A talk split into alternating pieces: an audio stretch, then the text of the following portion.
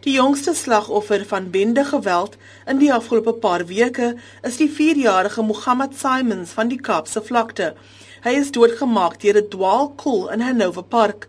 Die gemeenskap beweer dat die kind is oorlede na 'n geveg tussen die Laughing Boys gang en die Americans.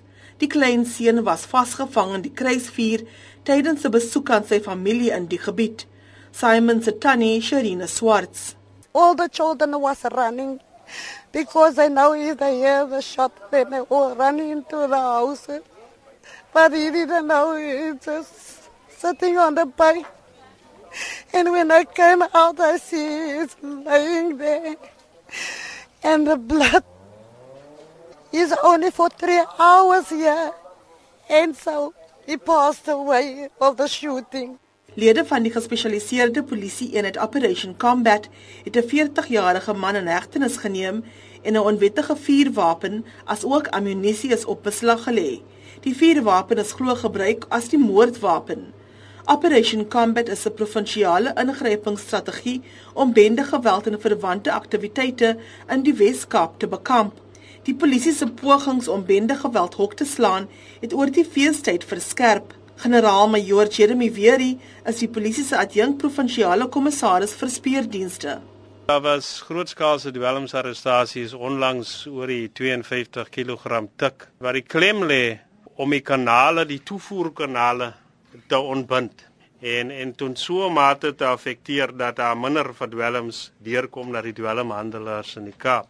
Wat dit gevolg het met die gereelde suksese gehad gedurende hierdie feesseisoen sal nou van selfspreeklik wees dat as daar minder beskikbaar is op die vlakte as daar minder verbenderlede ook om te beklei dan begin hulle begin die gevegte geïntensifiseer een van die mees berigte bendeleiers George Gebel Thomas is vanjaar gefonnis.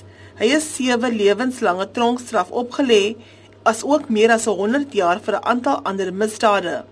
Hy en ses mede-beskuldigdes het lewenslange tronkstraf ontvang en die ander het vonnisse van tussen 12 en 25 jaar ontvang. Dit is gesê dat dit die grootste en mees ingewikkelde vervolging van bendelede in die Wes-Kaap is. Weerie sê die polisie het hulle pogings om meer bendeverwante arrestasies te maak en dwelms te konfiskeer opgeskerp. Nog 'n inisiatief wat beoog om misdaad te bekamp, is die nasionale regering se Operation Fiela wat verleng is tot die feesseisoen.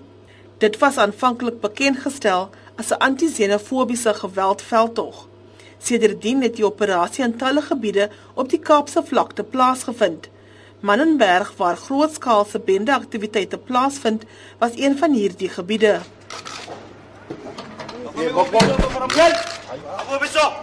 Meer as 300 amptenare insluitend die weermag, die polisie en wetstoepassing was betrokke. Dit dit dit doen die boy net.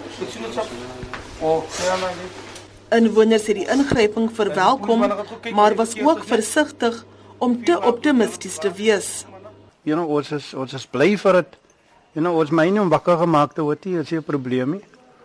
Wat iets moet gedoen word, you know, en 'n 'n eerlike polisieman is wat ons wil hê, maar ons moet maar begin van grassroots, you know, van onaf begin het.